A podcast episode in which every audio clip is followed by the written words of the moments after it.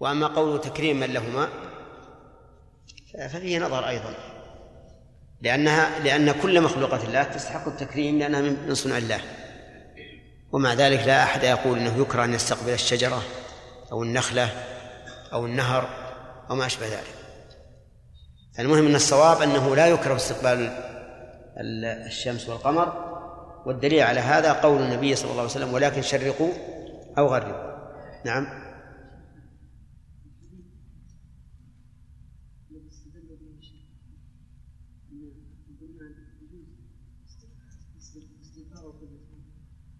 حديث ابن عمر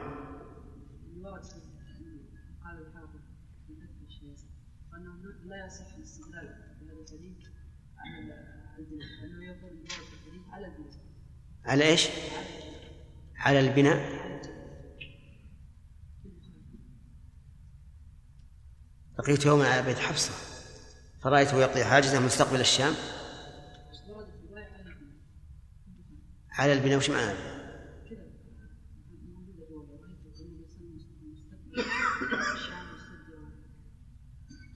إيه؟ على البناء. هو على إذا إذا صارت على البناء في إما أن يكون منع على اللبن المملي له أو أن على بمعنى في. يحتمل هذا وهذا. إنما الواضح الذي يستدل به العلماء على أنه إذا كان في البنيان جاز الاستدبار. وعللوا ذلك بأن الاستدبار أهون. لأن الاستدبار لا يتبين به العورة كثيرا. تكون مستورة بطرف الإزار أو بطرف القميص. وأما وأما الاستقبال فالعورة مفتوحة مفتوحة ظاهرة. لأن الإنسان سوف يكشف من عورته إلى إلى إلى العانة مثلا فلا بد أن ينكشف شيء كبير منها. نعم. فصل. ويكره أن طيب حديث عراك هذا من من يخرجه لنا؟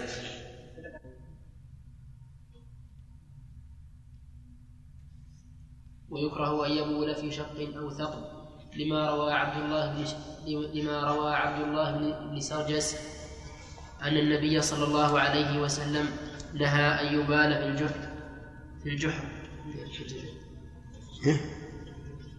في الجحر. في الحجر؟ لا لا. في الجحر. نهى أن يبال في الجحر رواه أبو داود. ولأنه لا يأمن أن يكون مسكنا للجن أو أو يكون فيه دابة تلسعه ويكره البول فيه طيب من؟ يخرج هذا؟ نهى أن يبال في الجحر. اللي ما أخذ؟ أنت أخذ ما أخذت؟ هذا آدم زكريا. يكره البول في طريق أو ظل ينتفع به. من حديث هذا؟ إيش؟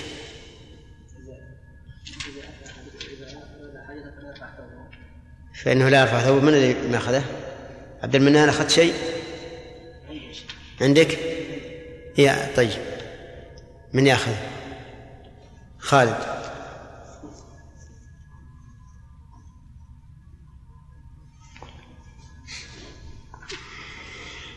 ويكره البول في طريق أو ظل ينتفع به أو مورد ماء لما روى معاذ قال قال رسول الله صلى الله عليه وسلم اتقوا الملاعن الثلاث. البراز في الموارد وقارعة الطريق والظل رواه أبو داود. ويكره البول في موضع تسقط فيه الثمرة لئلا تتنجس به. والبول في المغتسل لما روى عبد الله بن مغفل قال نهى رسول الله صلى الله عليه وسلم أن يبول الرجل في مغتسله. رواه أبو رواه ابن ماجه. قال أحمد إن صب الماء عليه فجرى في البالوعة فذهب فلا بأس. نعم. ها؟ إن صب عليه الماء فجرى في البالوعة البلوعة؟ لا في البالوعة نعم. وين؟ البراز.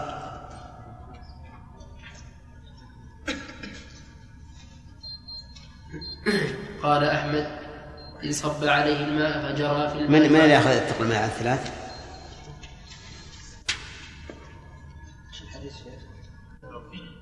لا ما لا باقي. باقي ثلاث دقائق 16 ثانية. أظن. نعم. يكره أن يتكلم على البول أو يسلم. أو يذكر الله تعالى بلسانه لأن النبي صلى الله عليه وسلم لأن النبي صلى الله عليه وسلم سلم عليه رجل وهو يقول فلم يرد عليه حتى توضأ ثم قال كرهت أن أذكر الله إلا على طهر رواه أبو داود والنسائي وابن ماجه ويكره الإطالة أكثر من عندي والإمام أحمد. رواه أبو داود والإمام أحمد وابن ماجه. طيب من خرجه؟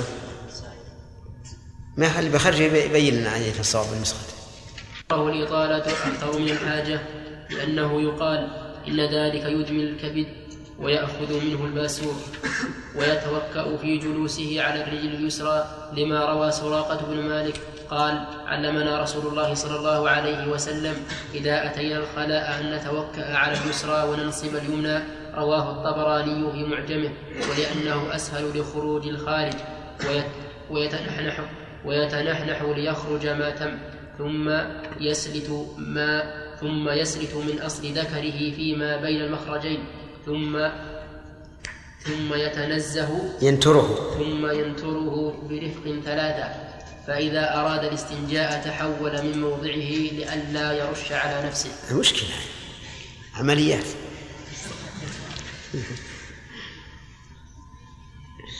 رحمه الله. طيب آه، حديث سراقة مني بأخذه؟ أنت؟ من؟ إيش؟ اكتب.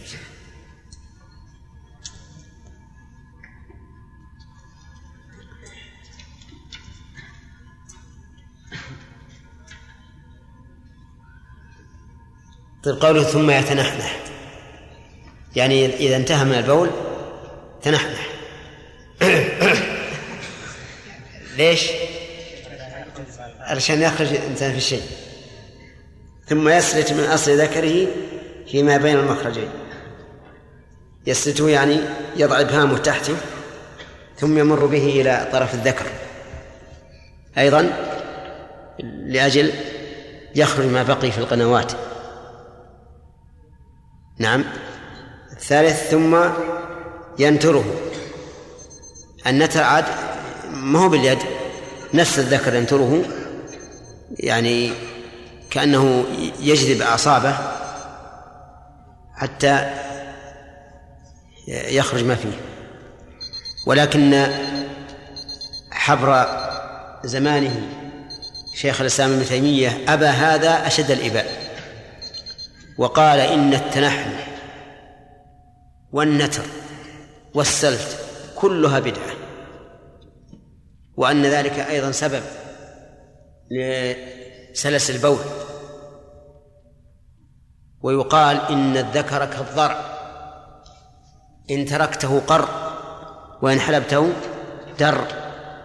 نعم وهذا صحيح. ولقد ذكر ابن القيم رحمه الله في كتاب إغاثة اللهفان العجب العجاب عن هؤلاء الموسوسين. يقول بعضهم يقول لا بد أن تربط حبلا في في السقف. ثم إذا خلص من البول تتمسك به وتنهض نفسك وت... وتنزل نعم. لأجل ينزل ما بقي. وبعضهم يقول لا بد أن تركض. تركض لك مسافة حتى ينزل الماء وبعضهم يقول تهز نفسك هزا. يعني تقول وهكذا. شيء عجيب يعني. سبحان الله العظيم. لو كلفنا الله هذا الشيء لكان من أعظم المشقة. والإنسان المشروع أنه إذا انتهى البول تغسل رأس الذكر فقط. وتنتهي ولا حاجة إلى عصر ولا إلى نتر ولا إلى شيء يؤذيك. المؤلف رحمه الله يقول يسلس ماس ذكره وينثر ثلاثا. وأيضا يتحول عن موضعه. التحول عن موضع أيضا غير سنة. بل يستنجي في موضعه ولا حاجة للتحول. وهو إذا تحول فإما أن يمسك ذكره بيده فتتلوث اليد وإما أن يطلقه فتتلوث الثياب والأفخاذ. فكونه يستنجي في مكان بوله ويتحرز من النجاسة هذا هذا هو الأفضل. والله موفق. نعم.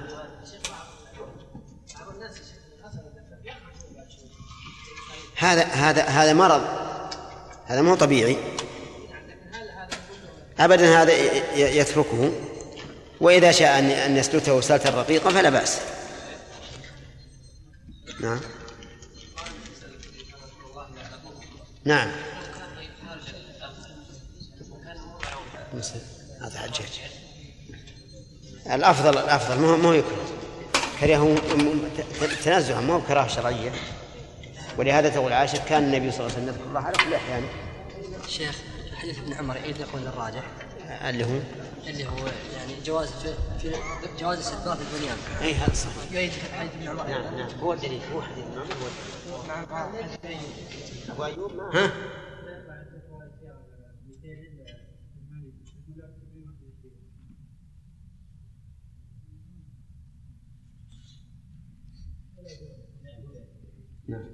بسم الله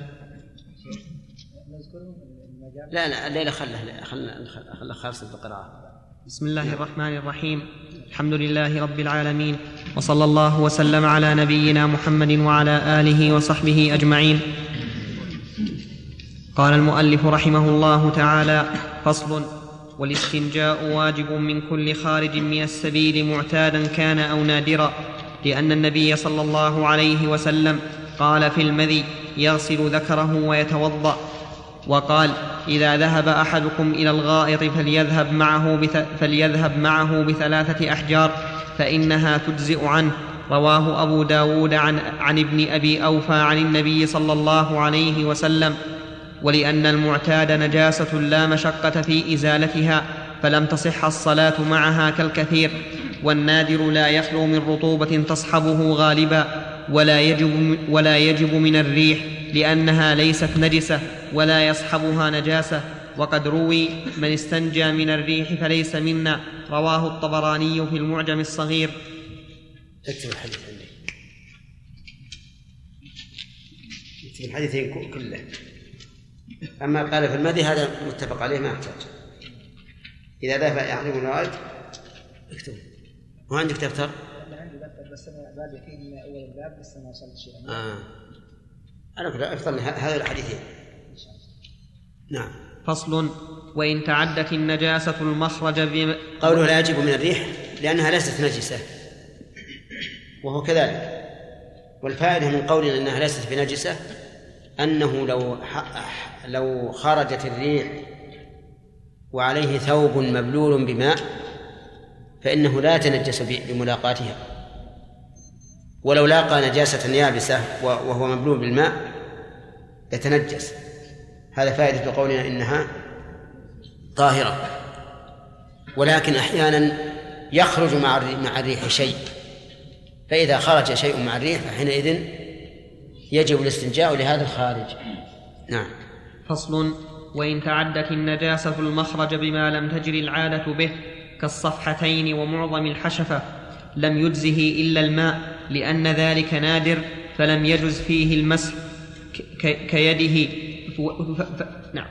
نعم. نعم. لأن ذلك نادر فلم يجز فيه المسح كيده وإن لم يتجاوز قدر العادة جاز بالماء والحجر. نادرا كان أو معتادا لحديث ابن أبي أوفى ولأن النادر خارج يوجب الاستنجاء أشبه المعتاد والأفضل, والأفضل الجمع بين الماء والحجر يبدأ بالحجر لأن عائشة قالت مرن أزواج هذه المسألة إذا تعدت النجاسة إلى موضع العادة فالصحيح فيها أنه إذا كانت التعدية يسيرة فلا فلا بأس لأن هذا كثيرا ما يقع خصوصا إذا كان الغائط لينا فإنه قد انتشر إلى الصفحتين كثيرا فيكون هذا تابعا لا يضر. أما لو انتقلت النجاسة مثلا من رأس الذكر إلى الفخذ فإن النجاسة التي انتقلت إلى الفخذ لا بد فيها من من الغسل بالماء فلا يجزي فيها الاستجمار. نعم. قال في أول فصل الاستنجاء واجب. نعم. تنظيف الحجارة نعم. يعني الاستنجاء يطلق عندهم على الاستجمار والاستنجاء معا نعم. وإذا جمع بينهم. ها؟ إذا جمع بينهم يكون الاستنجاء خاص. يكون الاستجمار خاصا بالحجارة. والاستنجاء بالماء شيخ نجاسة عين يعني عين خبيثة إذا وجد يزيل حكمها وإذا زال- زال حكمها نعم. فلو أزيلت النجاسة بحجارة بغيرها عن فخذ مثلا فتزول. نعم. فيزول حكمها معه. ما يزول حكمه معها لأن لأن الحجارة ما لا تزيل ما يزيله الماء. الحجارة على على على الثوب أو على البدن لا تزيل ما يزيله الماء. طيب الشيخ حديث ابن سلمة عندما سكت النبي أكثر من تمر بطرق نعم. وذيلها يعني يمر بنجاسة نعم. فقال يطهره ما بعد. نعم. ألا يستدل بهذا الحديث؟ لا يصح الاستدلال لأن لأن لمشقة التحرز من ذلك. الرسول رخص لها بأن يطهر من بعد لمشقة التحرز. ولهذا بعض العلماء يقول إنما جاز الاجتمار في الخارج من من السبيل لمشقة تكرره. يبقى يعني شيء ما الماء إي نعم. بس. والأفضل الجمع بين الماء والحجر يبدأ بالحجر لأن عائشة قالت مرن أزواجكن أن يتبعوا الحجارة الماء من أثر الغائط والبول فإني أستحييهم فإني أستحييهم. فإن النبي صلى الله عليه وسلم كان يفعله. حديث صحيح ولأنه أبلغ في الإنقاء وأنظف. ولأن الحجر يزيل عين النجاسة فلا تباشرها فلا تباشرها يده. فإ- فإن اقتصر على أحدهما جاز والماء أفضل لأن أنسا قال كان النبي صلى الله عليه وسلم إذا خرج لحاجته أجيء أنا وغلام معنا, مع معنا إداوة من ماء يعني يستنجي به متفق عليه.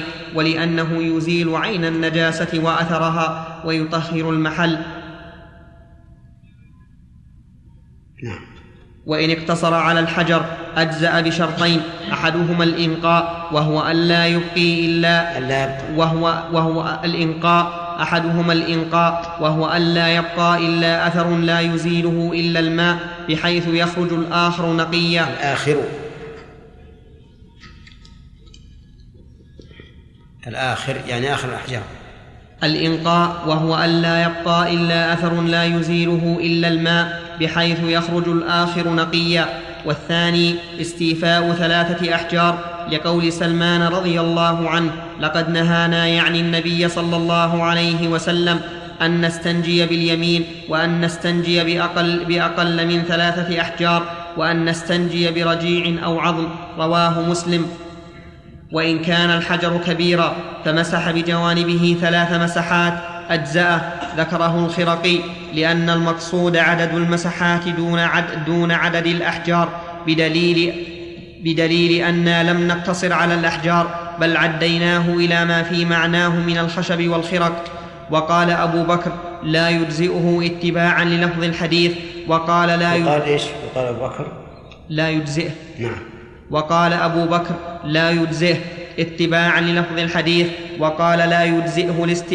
وقال لا يجزئه الاستجمار بغير الأحجار لأن الأمر ورد بها على الخصوص ولا يصح لأن في سياقه وأن نستنجي برجيع أو عظم فيدل على أنه أراد الحجر وما في معناه ولولا ذلك لم يخص هذين, هذين بالنهي.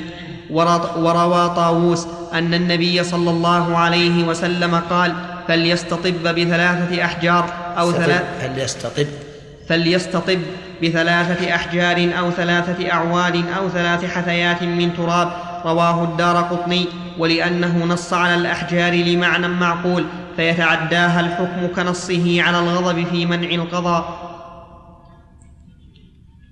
نعم. فصل ويجوز الاستجمار. هذا واضح. صار يشترط الاستجمار بغير الماء. نعم. شرطين. الشرط الأول الإنقاء والحقيقة أن الإنقاء شرط للاستجمار والاستنجاء.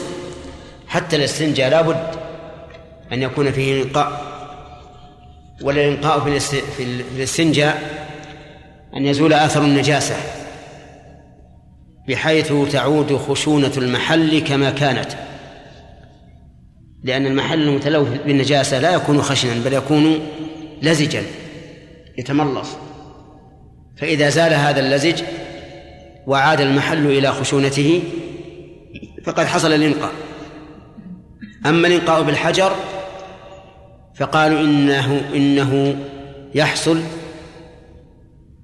بحيث لا يبقى أثر لا يزيله إلا الماء. يعني بحيث لا يزيل ما بقي إلا الماء. وهذا التعريف فيه غموض ولكن معناه أن يرجع آخر الأحجار غير متلوث بنجاسة يخرج نقيا. فإذا خرج آخر الأحجار نقيا علمنا أنه قد طهر المحل. الشرط الثاني أن يكون بثلاثة أحجار. وعبر بعضهم أن يكون بثلاث مساحات فأكثر. فأما الأول فقال إنه لا يجزئ بحجر ذي شعب بل لا بد من ثلاثة أحجار. يمسح بحجر ثم يضعه ثم يمسح بحجر ويضعه ثم يمسح بحجر الثالث يزكي. نعم. عرفت؟ وش قلت؟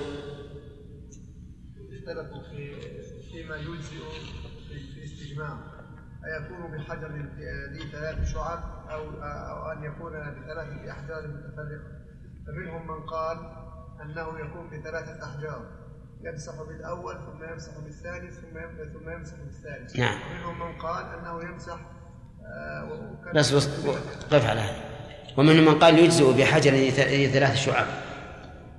لأن المقصود المسح وهو حاصل بحجر له ثلاثة وجوه. يمسح بالوجه الأول ثم يديره ويمسح بالوجه الثاني ثم يديره ويمسح بالوجه الثالث. وهذا لا شك أنه أقرب إلى المعنى خصوصا عند القياسيين.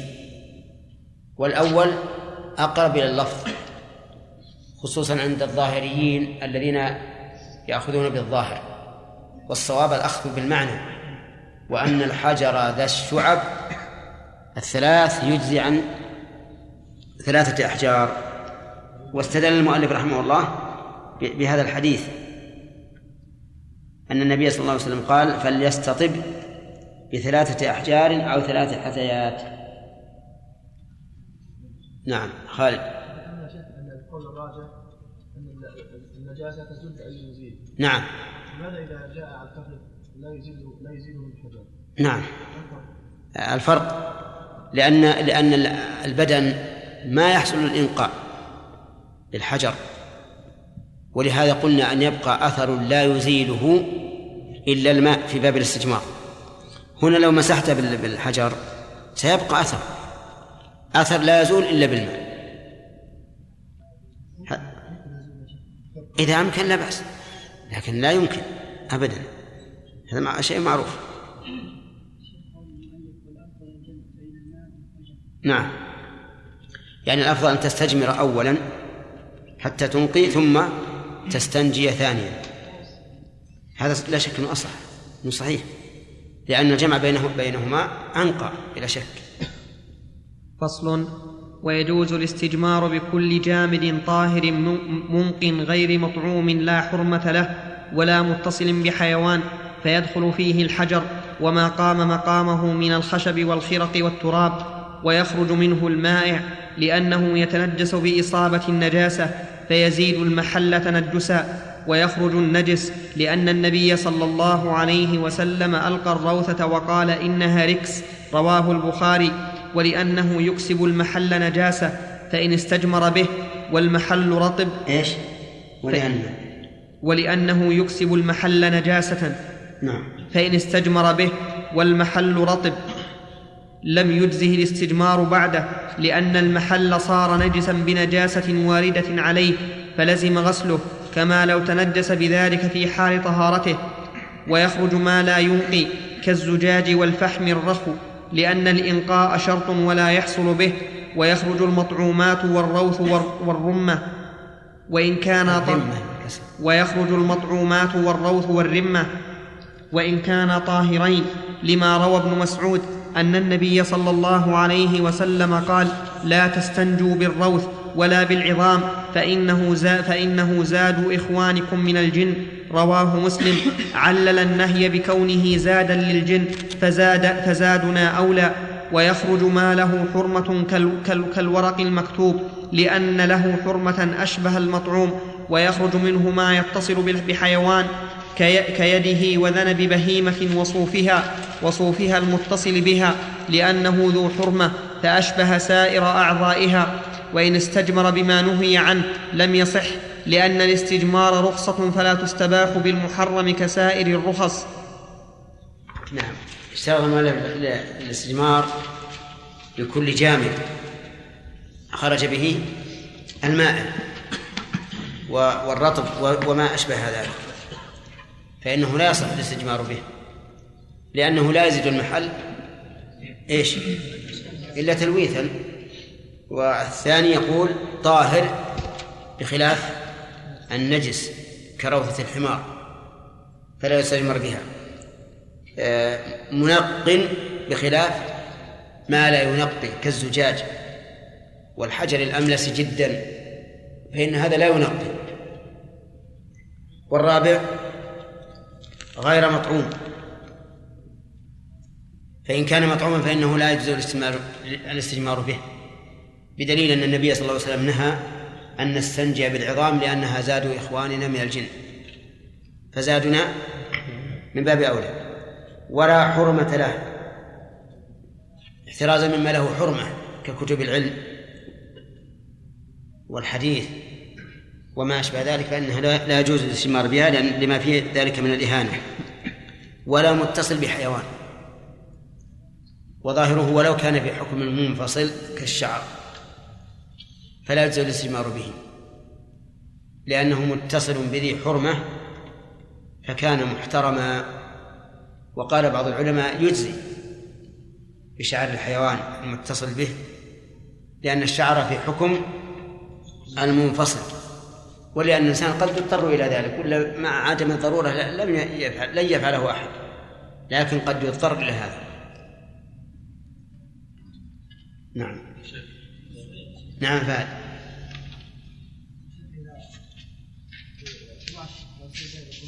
إيش؟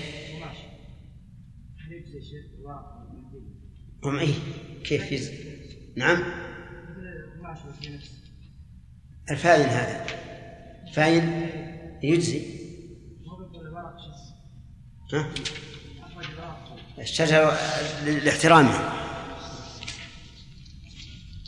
نعم التراب ما يدخل في ها؟ يدخل في هذا يدخل في هذا لأنه جامد طاهر منقي لا مطعوم ولا حرمة له ولا متصل بحيوان لا كيف؟ ها؟ لا ينقي. كيف؟ خصوصا الغائط ينقي تماما. جرب. نعم. أخذنا ثلاثة اثنين. اثنين. اثنين. ولا يستجمر بيمينه ولا يستعين بها فيه لحديث سلمان وروى أبو هذا قوله فإن زاد إخوانكم من الجن أنهم يأكلون. كما مر علينا أنهم يأكلون. ولكن كيف تكون زاد إخواننا؟ لأنهم يجدونها أوفر ما يكون لحما يكسوها الله تعالى لحما فيأكلون منها. ولا يستجمر بيمينه ولا يستعين بها فيه. لحديث سلمان وروى أبو قتادة أن النبي صلى الله عليه وسلم قال لا يمسكن أحدكم ذكره بيمينه ولا يتمسح من الخلاء بيمينه. متفق عليه. فيأخذ ذكره بيساره ويمسح بها الحجر أو الأرض. فإن كان الحجر صغيرا أمسكه بعقبه أو, أو بإبهامي قدميه فمسه, فمسه عليه. فمسح فمسحه فمسح عليه.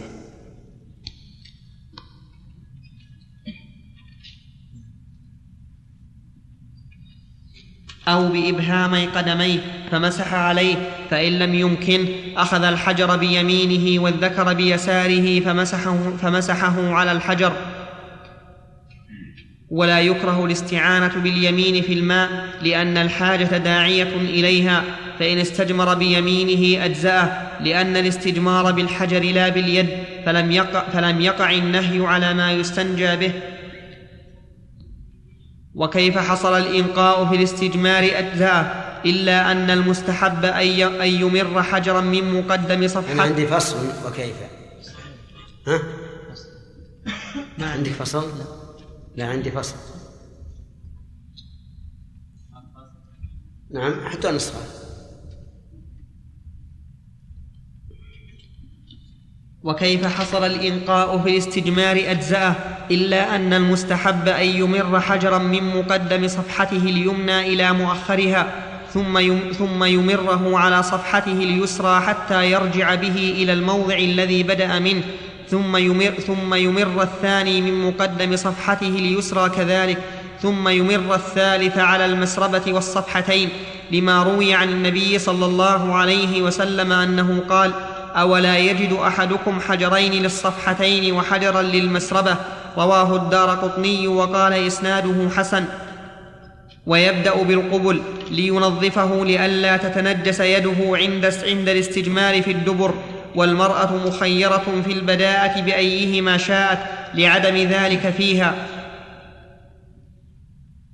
فإن إذا الذكر يبدأ بالقبل لأنه لو بدأ بالدبر لتلوثت يده. أما الأنثى فإنها مخيرة ولا سيما إذا كانت ثيبا. فإنها تكون مخيرة بين أن تبدأ بالقبل أو بالدبر. أما إن كانت بكرا فالأفضل أن تبدأ بالقبل نعم. ها؟ العلة لأن لأنها تتلوث يدها إذا بدأت بالدبر. لا تختلف. نعم.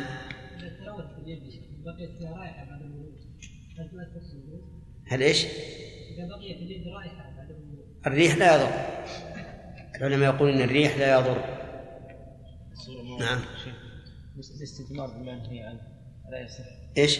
الاستثمار بشيء نهي عنه بشيء إيش؟ بما نهي عنه المذهب إنه لا يصح والصحيح أنه يصح مع التحريم. الصحيح أن الاستجمار بما ينهى عنه يصح مع مع مع التحريم. ولكن قال بعض العلماء إن قول الرسول إنهما لا يطهران يدل على أن النجس لا يطهر. لأنه حرام لأن الاستنجاء به لا يزيد لا يزيد الأمر إلا شدة بخلاف المغصوب والمسروق والذهب وما أشبه ذلك فإنه يجزي مع التحريم. نعم. المحترم. المحترم يجزي مع التحريم بخلاف النجس. النجس ما ما يطهر. وكذلك المطعوم لكن لكنه التحريم يغلظ فيها. يغلظ فيها. نعم. فإن توضأ قبل الاستن نعم. عندك شيخ فصل. فصل عندنا نعم. فصل فإن توضأ قبل الاستنجاء. فصل فإن توضأ قبل الاستنجاء ففيه روايتان إحداهما لا يجوز به لأنها لا يجزئه. لا لا يجزئه. يمكن عندكم لا يجزيه. لأن عندكم لا يجزيه بالياء. سقطت أحد النقلتين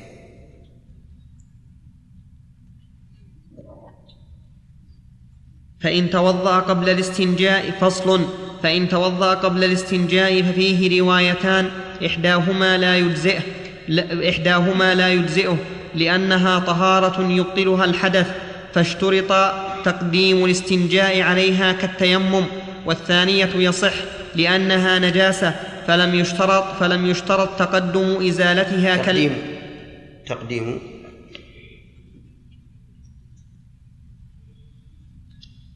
فلم يشترط تقديم إزالتها كالتي على ساقه. فعلى هذه الرواية إن قدم التيمم على, الاستجمار ففيه وجهان أحدهما يصح قياسا على الوضوء والثاني لا يصح لأنه لا يرفع الحدث وإنما تستباح به الصلاة فلا تباح مع قيام المانع. وإن تيمم وعلى بدنه نجاسة في غير الفرج ففيه وجهان أحدهما لا يصح قياسا على نجاسة الفرج والثاني يصح لم توجب, لم توجب التيمم فلم لم توجب التيمم فلم تمنع صحته كالتي على ثوبه. ما عندك فصل؟ كان توضأ قبل الاستنجاء؟ لا. عندنا فصل. إي أنا كتبت كتبته وقريته. نعم. الصحيح أنه يجزئ أنه يجزئ يصح الوضوء قبل الاستنجاء. نعم. ها؟ إي نعم يصح.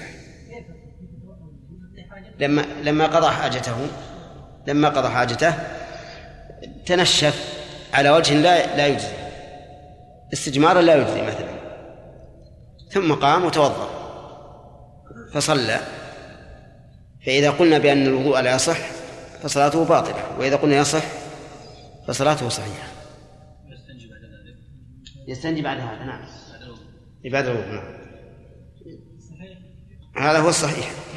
لأنه ليس في دليل على اشتراط ذلك وهي نجاسة. نعم. ها؟ نعم. أي نعم. إنك بهم رؤوف يا سليم. لا خلهم يعلموا شو نزل لهم. خلهم يعلموا شو نزل لهم. أخاف نزل لهم ولا يعرمشوها إذا صارت مملية اللحم أحسن. نعم. أي. هذه مشكلة محمد بن سلام. هذه قد يكون إن, إن الكفار منهم لا يجدونها لحما. وأن الله يجعلها للمؤمنين فقط. أي. أي المؤمنين فقط. بسم الله الرحمن الرحيم.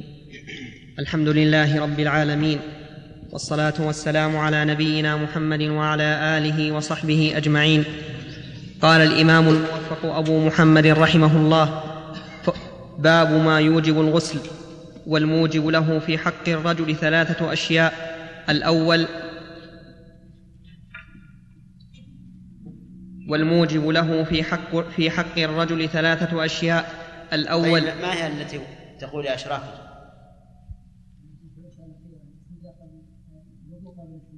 اي نعم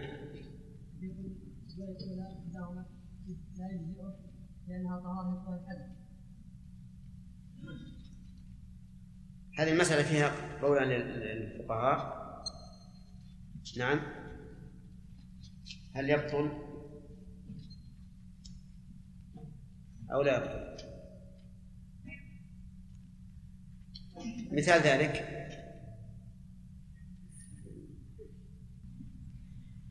أقول فيها قولان إذا إذا توضأ إذا توضأ الإنسان قبل أن يستنجي استنجاء شرعيا فهل يصح وضوءه أو لا؟ الصحيح أنه يصح. وضوءه لأنه ليس فيه دليل على اشتراط تقدم الاستنجاء. عرفت؟ إي نعم. مختلف الروايات فيه مختلفة. الروايات فيه مختلفة.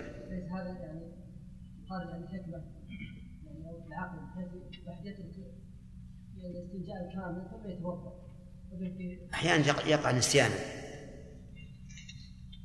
أما عمدا ما هو براحة الواحد يترك الاستنجاء ثم يتوضأ قبل ثم يستنجي فينتقض وضوءه مثلا. على القول بأنه ينتقض الوضوء. الحالة على أن لمس الذكر نعم. لا مو عشان هذه لأنه يقدر الواحد يغسله من وراء حائل. ما علشان هذا علشان هل هل يشترط الاستنجاء أو لا؟ لأن الله قال يا أيها الذين آمنوا إذا قمتم إلى الصلاة فأصلوا وجوهكم ولم يذكر شيئا غيره. عدم الدين يا شيخ نعم. باب قال رحمه الله تعالى باب ما يوجب الغسل. والموجب له في حق في حق الرجل ثلاثة أشياء. الأول إنزال المني وهو الماء الدافق تشتد الشهوة عند خروجه. ويفتر البدن بعده وماء الرجل أبيض ثخين وماء المرأة أصفر رقيق. قال النبي صلى الله عليه وسلم إن ماء الرجل غليظ أبيض وماء المرأة رقيق أصفر. رواه مسلم. فيجب الغسل بخروجه في النوم واليقظة لأن أم سليم قالت يا رسول الله إن الله لا يستحيي من الحق. هل على المرأة من غسل إذا هي احتلمت؟ فقال رسول الله صلى الله عليه وسلم نعم إذا, هي إذا رأت الماء. متفق عليه. فإن خرج لمرض من غير شهوة لم يوجب لأن النبي صلى الله عليه وسلم وصف المني الموجب بأنه غليظ أبيض ولا يخرج في المرض إلا رقيقا فإن احتلم فلم ير بللا فلا غسل عليه. لحديث أم, لحديث أم, سليم وإن رأى منيا ولم يذكر احتلاما فعليه الغسل لما روت عائشة قالت سئل رسول الله صلى الله عليه وسلم عن الرجل يجد البلل ولا يذكر احتلاما فقال يغتسل. وسئل عن الرجل يرى أنه قد احتلم ولا يجد البلل فقال لا غسل عليه رواه أبو داود. فإن وجد منيا في ثوب ينام, ينام فيه هو وغيره. فلا غسل عليه لأن الأصل عدم لأن الأصل عدم وجوبه فلا يجب بالشك وإن لم يكن ينام وإن لم يكن ينام فيه غيره وهو ممن يمكن أن يحتلم كابن اثنتي عشرة سنة فعليه الغسل وإعادة الصلاة من أحدث نومة نامها لأن عمر رأى في ثوبه منيا بعد أن صلى فاغتسل وأعاد الصلاة واضح هذا؟ نعم. يعني الموجب له في الرجل ثلاثة أشياء وقوله في الرجل هذا القيد ليس مرادا لأن خروج المني حتى من المرأة يوجب الغسل. إنزال المني وهو الماء الدافق لشدة الشهوة. تشتد الشهوة وذكر أنه ثخين أبيض بالنسبة للرجل ورقيق أصفر بالنسبة للمرأة. فيجب إذا خرج بلذة يقظة أو مناما يجب الغسل. وإن خرج بدون لذة لم يجب الغسل.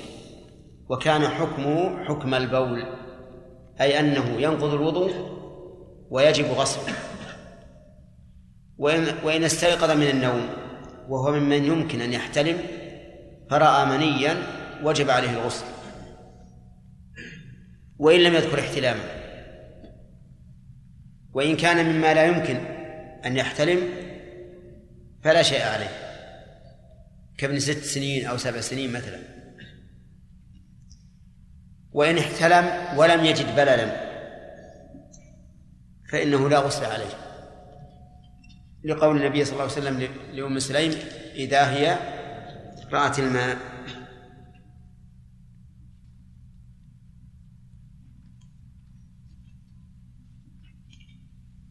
أنا عندي معلق وحكى ابن أبي موسى رواية عن أحمد أنه يجب الغسل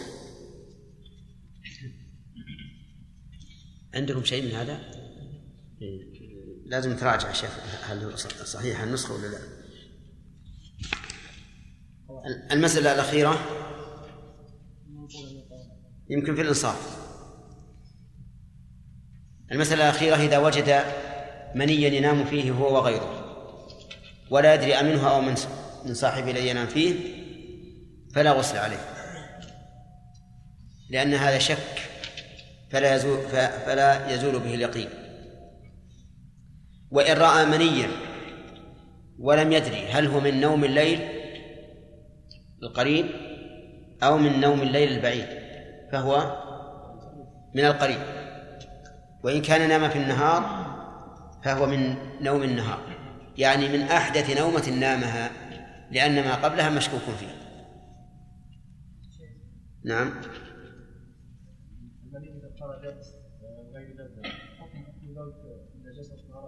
نعم. وإيش؟ وإيش؟ أنا فاهم فعلا أنت قلت حكم حكم البول في- في إيش؟ في النجاسة نعم وش اللي قلت بعده؟ والطهارة هي. نعم هو حكم حكم البول نعم يعني ها؟ نعم يعني على الثياب ام داخل؟ لا خارج على الثياب على الثياب وعلى الأفخاذ فصل نعم والمذي ماء رقيق يخرج بعد الشهوة متسببا لا يحس بخروجه فلا غسل متسبسبا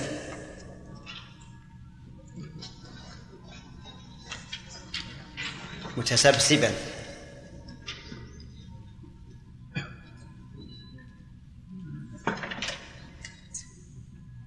فصل.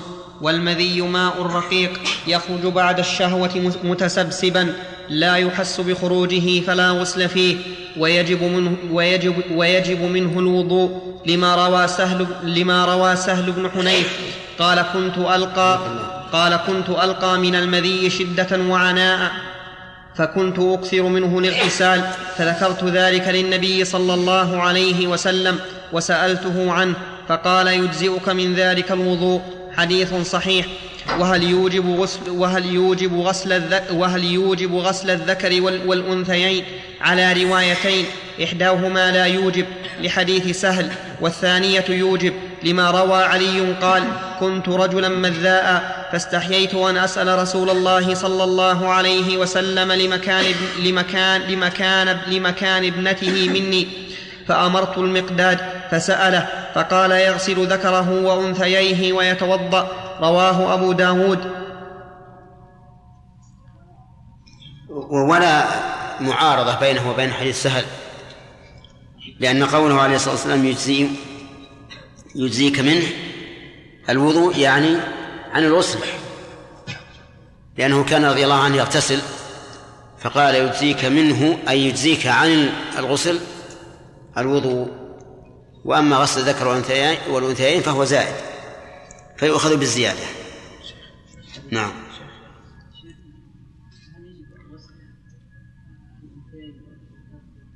الذكر والأنثيين في الوضوء في في المدي. الوجوب الراجح الوجوب وفيه فائدة طبية وهي أن غسل الذكر والأنثيين يقطع المذي نعم. حديث علي هذا في الصحيحين؟ لا. ذكر الأنثيين ليس في الصحيحين. أما الذكر فهو في الصحيحين. ها؟ لا. يغسل ذكره ويتوضأ. يمكن في رواية مذاكيره. مذاكيره وهي الذكر. فصل. قول حديث صحيح يا شيخ. يعني يعني صححه الشيخان ولا يعني لا لا المؤلف. يؤخذ الحديث هذا- اي اي يخ- يعني يخرج. نعم. فصل. والودي ماء أبيض يخر- يخرج عقب البول. فل... نعم. نعم. عندكم فصل؟ نعم. أنا ما عندنا فصل. هذا من باب ال- المعاورة. كان بالأول في الدرس الماضي. عند عندنا فصول ولا عندكم شيء؟ والآن عندكم فصول ولا عندنا شيء. ها؟ لا ما يخالف. اللي عندكم أحسن حقيقة. لأن الفصل آه، هذا عن عن الأول أحسن. نعم. فصل والودي ماء أبيض يخرج عقب البول فليس فيه إلا الوضوء. الودي ولا المذي؟ الودي.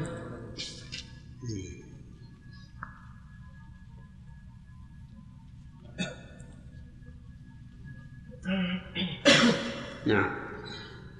فليس فيه إلا الوضوء لأن الشرع لم يرد فيه ب... لم... لأن الشرع لم يرد فيه بزيادة عليه فإن خرج منه شيء ولم يدر أمني هو أو غيره في يقظة في يقظة فلا غسل فلا فلا فلا غسل فلا غسل فيه لأن الموجب للغسل يخرج دافقا بشهوة فلا يشتبه بغيره. لأن المني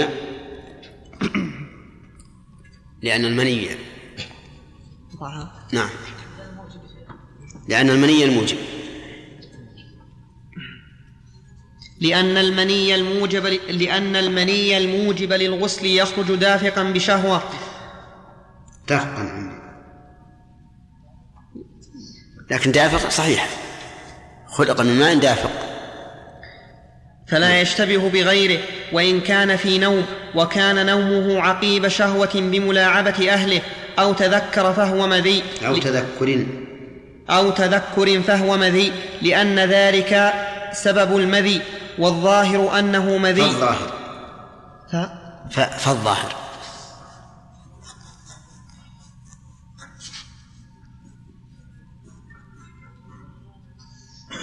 فالظاهر أنه مذي وإن لم يكن كذلك اغتسل. لحديث عائشة في الذي يجد البلل ولأن خروج المني في النوم معتاد وغيره نادر فحمل الأمر على المعتاد. فصل وإن أحس بانتقال المني من ظهره فأمسك ذكره فلم يخرج. ففيه روايتان إحداهما لا غسل عليه لقول النبي صلى الله عليه وسلم إذا رأت الماء والثانية يجب لأنه خرج عن مقره أشبه ما لو ظهر فإن اغتسل فخرج بعد ذلك وجب الغسل على الرواية الأولى لأن الوجوب متعلق بخروجه ولم يجب على الثانية لأنه تعلق بانتقاله وقد اغتسل له وعنه إن خرج قبل البول وجب الغسل لأننا نعلم أنه المني لأننا نعلم أنه المني المنتقل. فإن خرج بعده لم يجب لأنه يحتمل أنه غيره وهو خارج لغير شهوة وفي فضلة المني الخارجة بعد الغسل الرواية وفي وفي فضلة المني الخارجة بعد الغسل الروايات الثلاث والثاني فصل والثاني ما عندكم فصل؟ لا. طيب هذه المسألة تحتاج إلى شرح رحمك الله قال وإن أحس بانتقال المني من ظهره فأمسك ذكره فلم يخرج ففيه روايتان. إحداهما إحداهما لا غسل عليه لقول النبي صلى الله عليه وسلم إذا رأت الماء. وهذا هو الصحيح أنه إذا انتقل المني ولم يخرج فلا غسل عليه لأن ما كان باطنا لا حكم له. والحكم للظاهر هذا التعليل.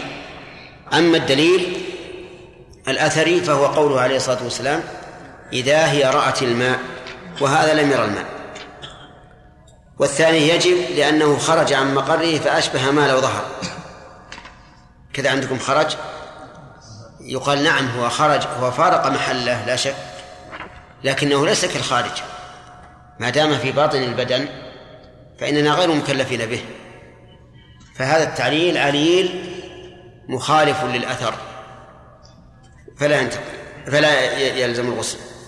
ولكن يقول فإن فإن اغتسل فخرج بعد ذلك وجب الغسل على الرواية الأولى. ما هي الرواية الأولى؟ نعم. أنه لا غسل عليه. لأن الوجوب متعلق بخروجه ولم إيش؟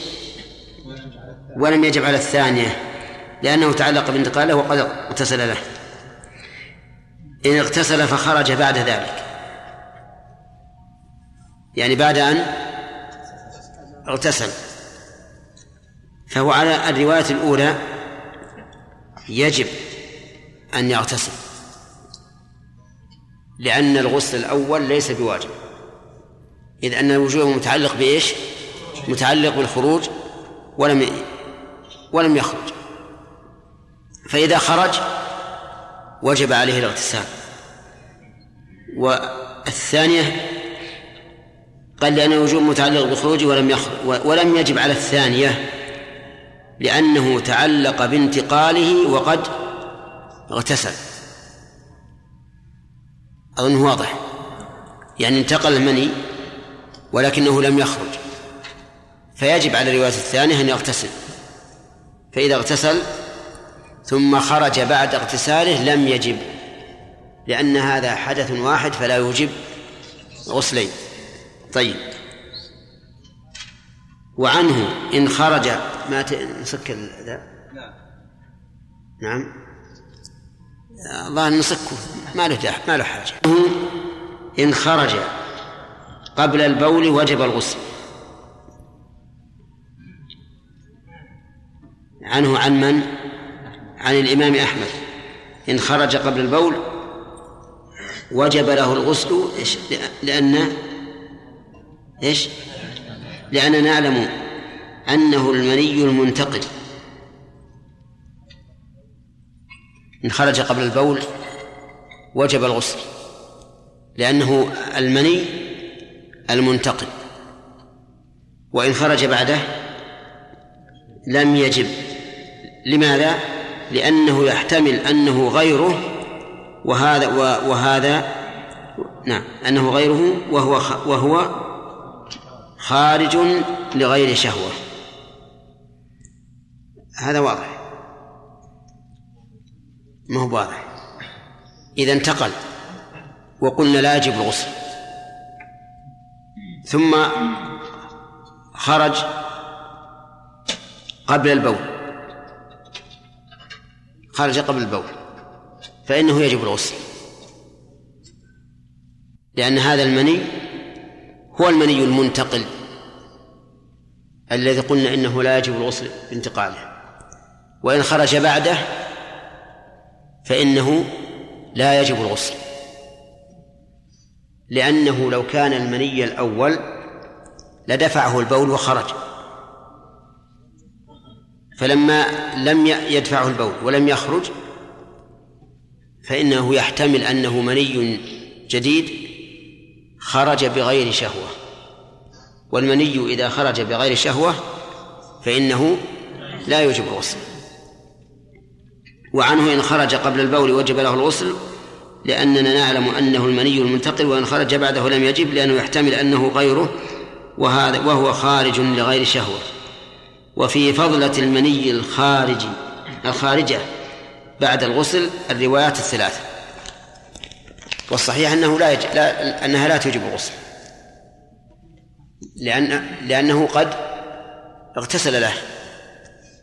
يعني رجل جامع زوجته ثم اغتسل. وبعد اغتساله خرج بقية المني السابق فإنه لا يجب الغسل.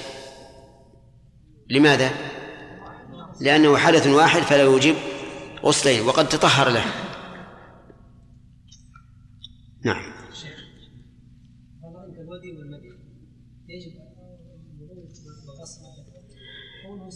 الخارج من من من القبل أربعة أشياء. المني والمذي وهذان يتعلقان بالشهوة. لكن المني يكون عند اشتدادها وذاك يكون عند برودتها. والمني يحس به الإنسان والمذي لا يحس به. والمني غليظ أبيض والمذي بخلاف ذلك. رقيق.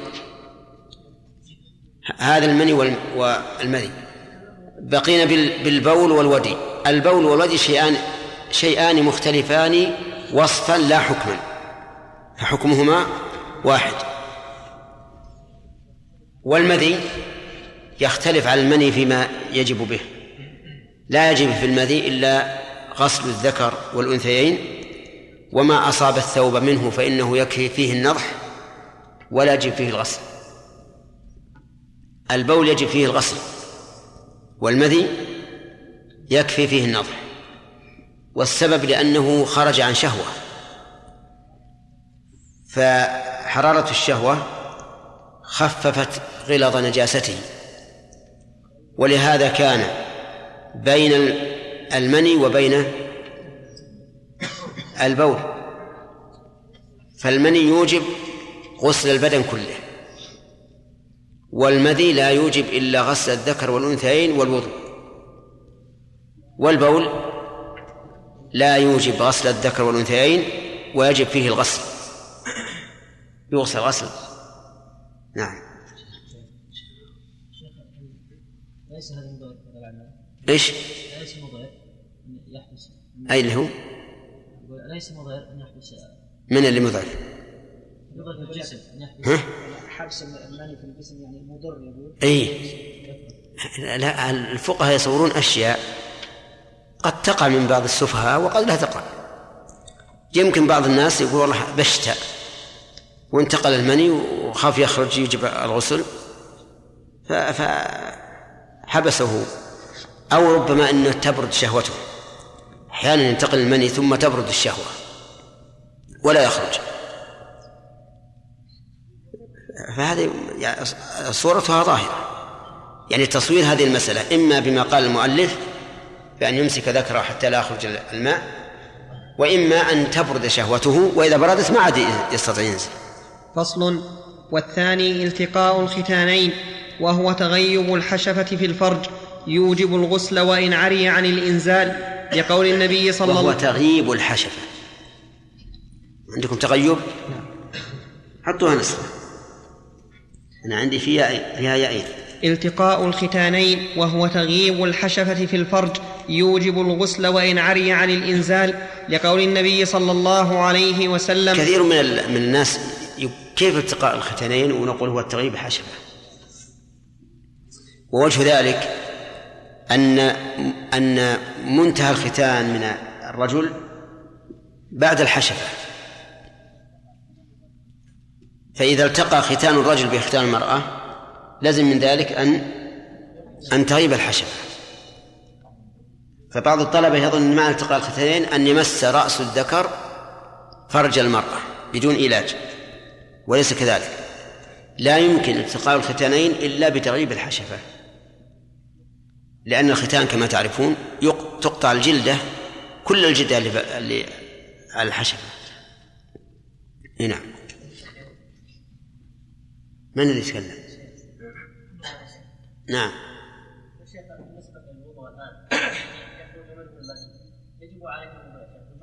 وجوبا ها؟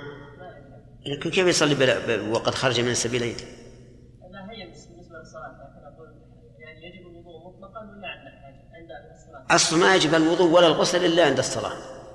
يا أيها الذين آمنوا إذا قمتم إلى الصلاة فاغسلوا وجوهكم. ثم قال وإن كنتم جنبا فطهر. نعم. إذا اغتسل بعد أن اغتسل خرج المن أو بعض المن هل يجب عليه الوضوء وقد اغتسل؟ أي نعم الوضوء يجب عليه نعم لقول النبي صلى الله عليه وسلم إذا جلس بين شعبها الأربع ومس الختان الختان وجب الغسل رواه مسلم وختان الرجل الجلدة التي تبقى بعد الختان وختان المرأة جلدة كعرف الديك في أعلى الفرج يقطع منها في الختان فإذا غابت الحشفة في الفرج تحاذا ختاناهما فيقال التقيا وإن لم يتماسا. ويجب الغسل بالإيلاج في كل فرج قبل أو دبر من آدمي أو بهيمة حي أو ميت لأنه فرج أشبه قبل المرأة فإن ولج في فإن ولج في قبل الخنثى المشكل عندي فإن أولج.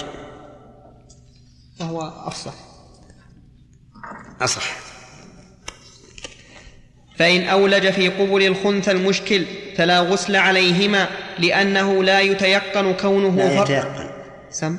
لا يتيقن. لأنه لا يتيقن كونه فرجا فلا يجب الغسل بالشك. والثالث فصل؟ طيب. عندك فصل؟ ذكر بعض العلماء أنه لا لا غسل عليه في العلاج في بهيمة. وقال إن النبي صلى الله عليه وسلم يقول إذا جلس بين شعبها الأربع. والفاعل بالبهيمة ها؟ لم يجلس بين شعب الأربع. ولأنه قال إذا التقى الختانان. والبهيمة؟ ليس لها ختان. ليس لها الختان وكونه يتلذذ ككون الرجل يتلذذ إذا جامع بين فخذين. وهذا هو الذي يميل يميل إليه شيخنا عبد الرحمن بن سعدي رحمه الله. وهو الصواب. ولكن هل معنى ذلك أن نقول إنه يجوز أن يفعل بالبهيمة؟ نعم. لا لا يجوز. كما أنه لو زنى بامرأة وأولج فيها قلنا إنه يجب عليه الغسل ويجب عليه الحد. وفاعل والفاعل بالبهيمة أيضا يجب أن تقتل البهيمة. تقتل. فإن كانت له فقد فاتت عليه. وإن كانت لغيره فعليه ضمانها. ولا تؤكل. أما بالنسبة له هو فقد ورد في الحديث اقتلوه واقتلوا البهيمة. وذهب إليه بعض العلماء وقالوا من أتى بهيمة فإنه يقتل. لأن فرجها لا يباح بحال من الأحوال فيشبه فرج الذكر. وهو اللواط واللواط حده القتل وقال بعض العلماء بل يعزر بل يعزر تعزيرا وهذا أصح أنه يعزر و ولا يقتل. أما البهيمة فتقتل. نعم.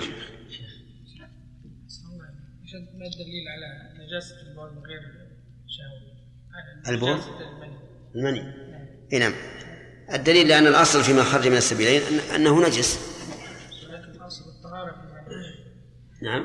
أصل الطهارة في المني. اي بس هذا هذا ما هو مو بالمني الذي يوجب الغسل. ولهذا لن لم يوجب عليه الغسل. شيخ. لا ما هي ما هي بواحدة ت- تختلف. يختلف. ما يكون له رائحة ال- المني اللي خارج بشهوة ولا غلظ المني. نعم. إيش؟ من قتلها آه. العلة من قتل البهيمة لئلا يعير بها؟ تمر من عند ناس يقول هذه زوجة فلان. فيعير بها. ثانيا ربما تحمل. وإن كان هذا بعيدا من الناحية الطبية لكن قد يجعل الله هذا آية فتكون فضيحة. ثالثا أنه ربما يحن إليها. لأن الذي يأتي بهيمة والعياذ بالله لم يأتها إلا عن شهوة شديدة ولا يكون عنده ما يتمتع به سواها. فإذا لم تقتل يحن إليها ها؟ ثم يذهب إلى إليها مرة ثانية. كيف بالرصاص؟ تضرب بالرصاص حتى يشاف الأسهل الأسهل المهم منها لا تؤكل. حتى لو ذكرت ما تؤكل. لو أطلقت بعيدا عن المكان. أبدا تقتل. هكذا جاء الحديث. فصل. والثالث إسلام الكافر. وفيه روايتان إحداهما يوجب الغسل اختارها الخرقي. لأن النبي صلى الله عليه وسلم أمر ثمامة بن أثال وقيس بن عاصم أن يغتسل أن يغتسلا حين أسلما رواه أبو داود والنسائي. قال الترمذي حديث حسن. ولأن الكافر لا يسلم من حدث لا يرتفع حكمه باغتساله فقامت مظنة ذلك مقامه ولا يلزمه ولا يلزمه أن يغتسل للجنابة لأن الحكم تعلق بالمظنة. عندكم كذا يا شيخ؟ نعم. بالمظنة نعم. أي نعم أنا عندي بالظنة. لأن الحكم تعلق بالمظنة فسقط حكم المظنة كالمشقة مع السفر. والثانية لا غسل عليه اختارها أبو بكر لأن النبي صلى الله عليه وسلم قال لمعاذ إنك تأتي قوما أهل كتاب فادعهم إلى شهادة أن لا إله إلا الله فإنهم أطاعوك لذلك.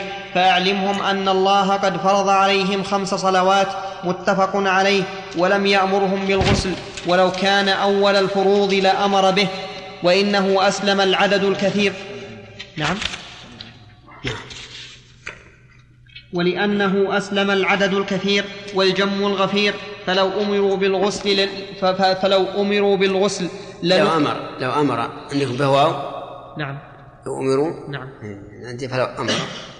نسخة. نسخة نعم. فلو أمر بالغسل لنقل نقلا متواترا فإن أجنب في حال كفره احتمل أن لا يجب الغسل عليه لما ذكرناه واحتمل أن يجب وهو قول أبي بكر لأن حكم الحدث باق. هذه المسألة فيها خلاف بين العلماء. إسلام الكافر هل يوجب الغسل أو لا؟ فالمشهور من المذهب أنه يوجب الغسل. ودليله أثر ونظر. أما الأثر فهو أن النبي صلى الله عليه وسلم أمر ثمامة, بن أثال وقيس بن عاصم أن يغتسلا حين أسلما وهذان حديثان يحتاج- يحتاجان إلى تخريج. وإلى أن الأمر هل هو للوجوب أو للاستحباب. فمن العلماء من يقول إن الأمر هنا للوجوب لل- للوجوب لأنه الأصل في الأوامر. ومنهم من قال إنه للاستحباب لأن النبي صلى الله عليه وسلم لم يأمر به كل من أسلم. والرواية الثانية عن أحمد أنه لا يجب نعم أما النظر الدليل النظري في هذه المسألة هو أن الكافر لا يسلم من حدث موجب للغسل لا سيما إذا كان كبيرا بالغا. ولو ولو اغتسل في حال كفره لم يرتفع الحدث لأن من شرط ارتفاع الحدث إيش؟ النية والإسلام. نعم. من شرط ارتفاع الحدث الإسلام. وهذا ليس بمسلم فلو اغتسل لم يرتفع. فقامت المظنة مقام اليقين. والرواية الثانية عن أحمد أنه لا يجب الغسل لإسلام الكافر لأنه أسلم الجم الغفير والعدد الكثير في عهد النبي صلى الله عليه وسلم ولم يأمرهم بالغسل. ولأن النبي صلى الله عليه وسلم حين بعث معاذ إلى اليمن قال أول ما تدعوهم إليه شهادة لا إله إلا الله وأن محمد رسول الله فإن أجابوك لذلك فأعلمهم أن الله افترض عليهم خمس صلوات. ولو كان الغسل واجبا لكان مقدما على على الأمر بالصلاة لأن الصلاة لا تصح إلا به. وهذا استدلال قوي. وأما ما قيل إن الكافر قد يكون محدثا فنقول إن الأصل نعم عدم الحدث وباب الطهارة الشك فيه ملغى مطرح فلا عبرة به. وهذه الرواية أقوى من من الروايات التي فيها الأمر التي فيها القول أو التي هي القول بوجوب اغتسال الكافر ولكن لو فرض أنه أجنب في حال كفره ثم أسلم وهو لم يغتسل في حال الكفر هل يجب عليه الغسل أو لا؟ فيه قولان. منهم من قال يجب عليه الغسل لأن الحدث باق لم يرتفع. ومنهم من قال لم يجب لا يجب لعموم عدم أمر النبي صلى الله عليه وسلم لمن أسلم أن يغتسل. ولقوله تعالى قل للذين كفروا إن ينتهوا يغفر لهم ما قد سلف. ولكن في هذه المسألة الاحتياط أن يغتسل. وإن قلنا بأن الكافر لا غسل عليه إذا أسلم لأن هذا لأن الحدث قد وجد والأصل بقاؤه حتى يرتفع بدليل شرعي. نعم. لو أسلم وعلى الجنابة ونعلم ذلك وصلى صلاته صحيحة؟ ينبني على الخلاف. وقال راجع لا هذا اللي نرى أن الاحتياط أن يغتسل. الاحتياط أول واجب. الاحتياط. لو صلى صلاة صحيحة. لا إذا قلنا إن الاحتياط أنه يغتسل معناه أنه إذا صلى فالاحتياط أن يعيد. الاحتياط قد يكون وجوب أو لكنه دون الوجوب. يعني إذا قال مثلا قال لك العالم الاحتياط فالمعنى أنه دون الوجوب. لكنه كالملزم به. نعم. فأخذنا بشرط الحديث الثاني سلوك وقت البهيمة نعم لماذا نعم. هذا سؤال وجيه يا عبد الله. يقول لماذا أخذتم ببعض الحديث دون بعض؟ نعم. قالوا أخذنا بذلك لأن الحديث فيه مقال. واستحلال دم المسلم أو الرجل أشد من استحلال البهيمة. لأن لأن البهيمة مال. ويجوز أن يعزر بإتلاف المال. وأما وأما ال- الآدمي فهو نفس ولا يحل دم امرئ مسلم إلا بإحدى ثلاث. فصل. نعم. فأما المرأة فيجب في حقها الأغسال المذكورة وتزيد بالغسل من الحيض والنفاس ونذكره في بابه ولا يجب الغسل بالولادة العارية عن دم لأن الإيجاب بالشرع ولم يوجب لها من من الشر. نسخة. لأن الإيجاب من الشرع ولم يوجب لها ولا هي في معنى المنصوص عليه وعنه يجب بها لأنها عندي ولم يوجب بها. نعم. ولم يوجب بها. نسخة. والله بها أحسن. لأنه يقول ولا يجب الغسل بالولادة. اللي عندنا أصح. ولا ولم نسخة وهي أصح. ولم يوجب بها ولا هي في معنى المنصوص عليه وعنه يجب بها لأنها لا تكاد تعرى من نفاس موجب فكانت مظنة له فأقيمت مقامه كالتقاء الختانين مع الإنزال.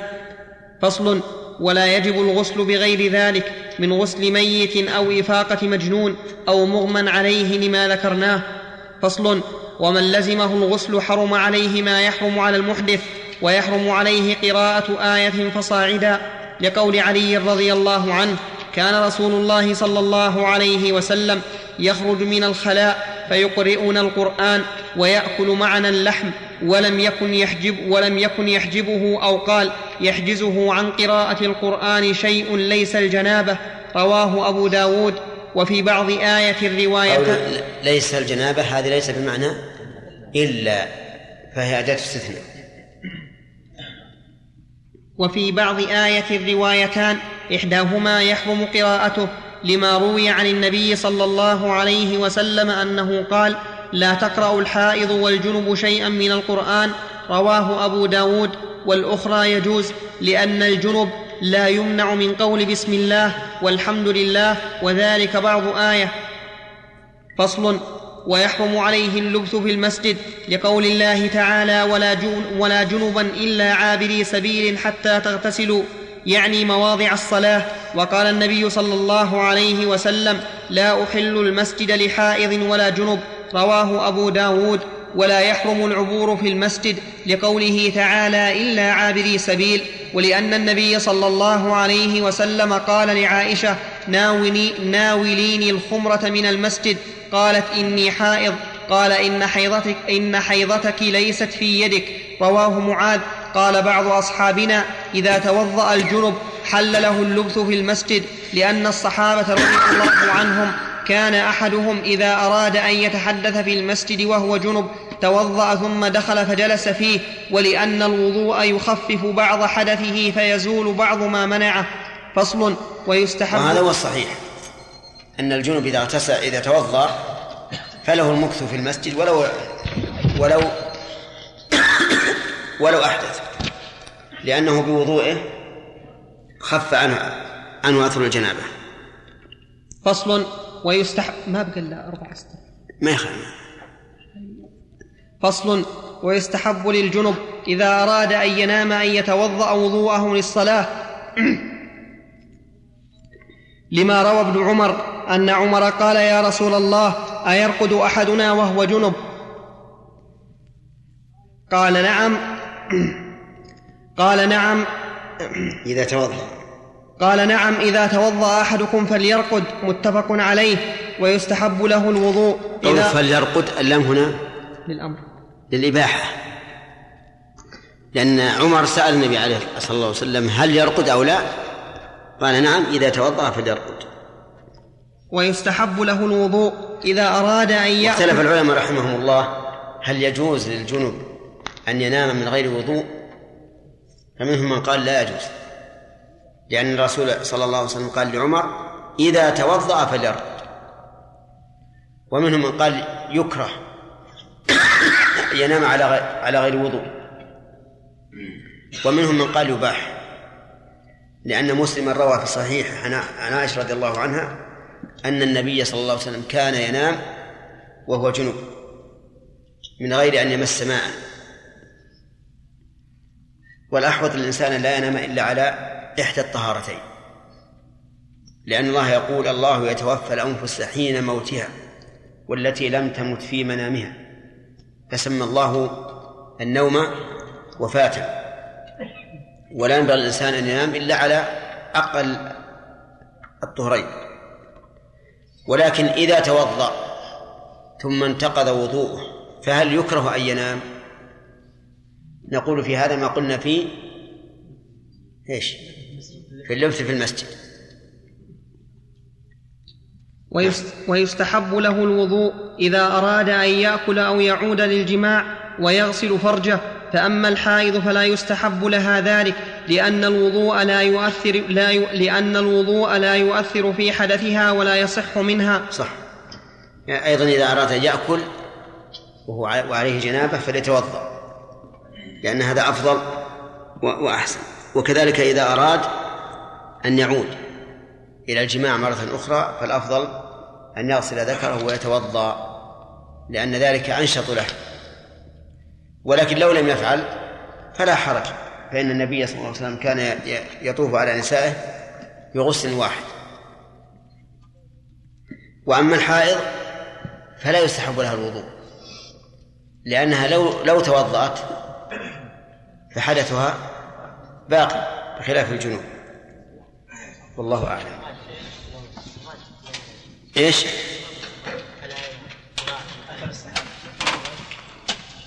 كيف؟ إيه. لا يقرأ آية ولا بعض آية إلا إذا لم يقصد القراءة مثل لو قال بسم الله الرحمن الرحيم قصدها البسملة فهذه آية. يرد السلام نعم. بسم الله الرحمن الرحيم. الحمد لله رب العالمين والصلاة والسلام على نبينا محمد وعلى آله وصحبه أجمعين. قال قال الإمام الموفق أبو محمد رحمه الله باب الغسل من الجنابة وهي على ضربين كامل ومجزئ فالكامل يأتي فيه بتسعة أشياء النية وهو أن ينوي الغسل للجنابة أو استباحة ما لا يستباح إلا بالغسل كقراءة القرآن واللبث في المسجد ثم يسمي ثم يغسل يديه ثلاثا قبل إدخالهما الإناء ثم يغسل ما به من أذى ويغسل قوله فرجه رحمه الله في قراءة القرآن ظاهر.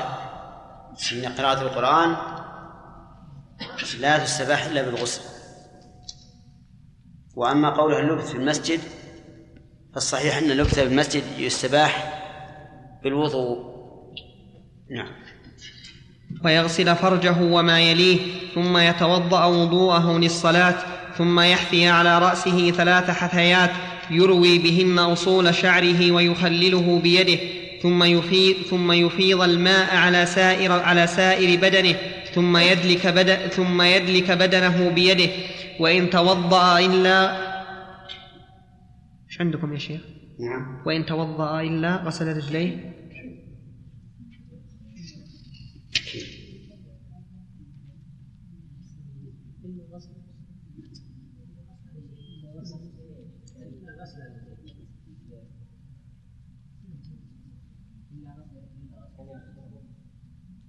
وإن توضأ إلا غسل رجليه. هكذا عندكم؟ إيه وإن توضأ إلا غسل رجليه. وإن توضأ إلا غسل رجليه ثم غسل قدميه آخرا فحسن. قال أحمد الغسل من الجنابة على حديث عائشة يعني قولها كان رسول الله صلى الله عليه وسلم إذا اغتسل من الجنابة غسل يديه وتوضأ وضوءه للصلاة ثم ثم ثم يخلل شعره بيده حتى إذا ظن أنه قد أروى بشرته أفاض عليه الماء ثلاث مرات ثم غسل سائر جسده. وقالت ميمونة وضع لرسول الله صلى الله عليه وسلم وضوء الجنابة فأفرغ على يديه فغسلهما مرتين أو ثلاثا ثم تمضمض واستنشق وغسل وجهه وذراعيه ثم أفاض على رأسه ثم غسل جسده فأتيته بالمنديل فلم يردها وجعل ينفض الماء بيده متفق عليه. عليهما. نعم. متفق عليهما. الضرب الثاني المجزئ وهو أن ينوي ويعم شعره وبدنه بالغسل والتسمية ها هو. علم بدنه وشعره. لا عندي عندكم شعره تقييم وتأخير؟ أخي ما نعم. ويعم شعره وبدنه بالغسل والتسمية, هنا والتسمية ها هنا كالتسمية في الوضوء فيما ذكرنا ويجب إيصال الماء إلى البشرة التي تحت الشعر وإن كان كثيفا لحديث عائشة ولا يجب نقضه إن كان مظفورا لما روت أم سلمة قالت قلت يا رسول الله إني امرأة أشد, أش إني امرأة أشد ظفر رأسي أفأنقضه لغسل الجنابة؟ قال لا إنما يكفيك أن تحثي على رأسك ثلاث حثيات ثم تفيضين عليك الماء فتطهرين. رواه مسلم. ولا يجب ترتيب الغسل لأن الله تعالى قال وإن كنتم جنبا فاطهروا ولم يقدم بعض البدن على بعض لكن يستحب البداءة بما ذكرناه. والبداءة بغسل الشق ما هو البداية بما ذكرناه؟ يعني في الوضوء أولا ثم ب- بالإفاضة على الرأس. ثلاثا ثم بغسل سائر الجسد ويبدأ بميامنه. نعم. والبداءة بغسل والبداءة بغسل الشق الأيمن لأن النبي صلى الله عليه وسلم كان يحب التيامن في طهوره ولا موالاة فيه لأنه طهارة لا ترتيب فيها فلم يكن فيها موالاة كغسل النجاسة. فصل الموالاة. ها؟ التتابع. تتابع. ولكن هذا القياس الذي هذا هذا القياس الذي قاله رحمه الله فيه نظر. يقول إنها طهارة لا ترتيب فيها فلم يكن فيها موالاة كأصل النجاسة. هذا القياس معارض لأنها عبادة واحدة فالتفريق بينها يمنع بناء بعضها على بعض. وعلى هذا فالموالاة واجبة. كيف نقول لرجل اغتسل نصف جسده في الصباح ونصف جسده في عند الظهر؟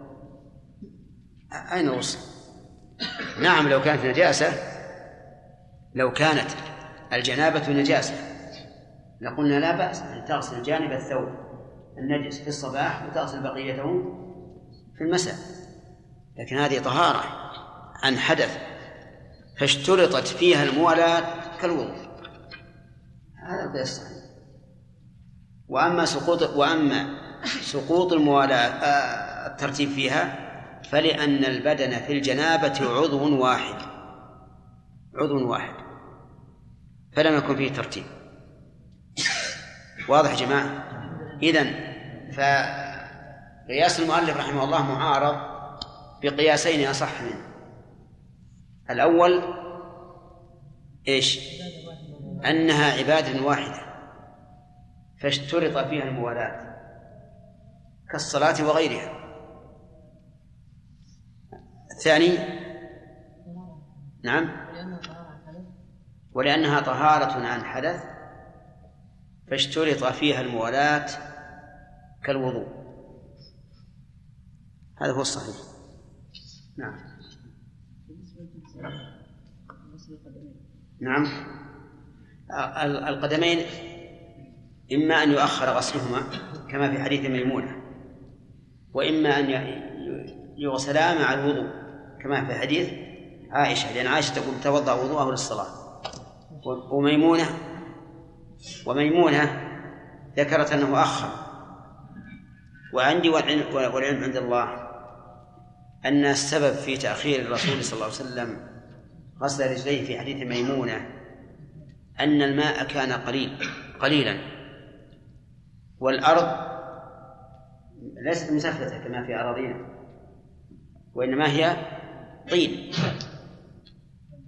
فمن أجل قلة ال- الماء أخر غسل القدمين إلى آخر شيء.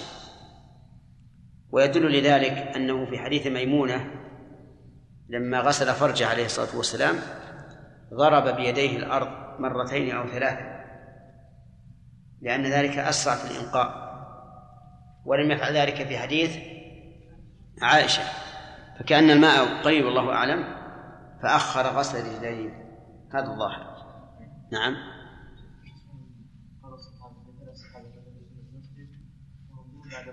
كيف؟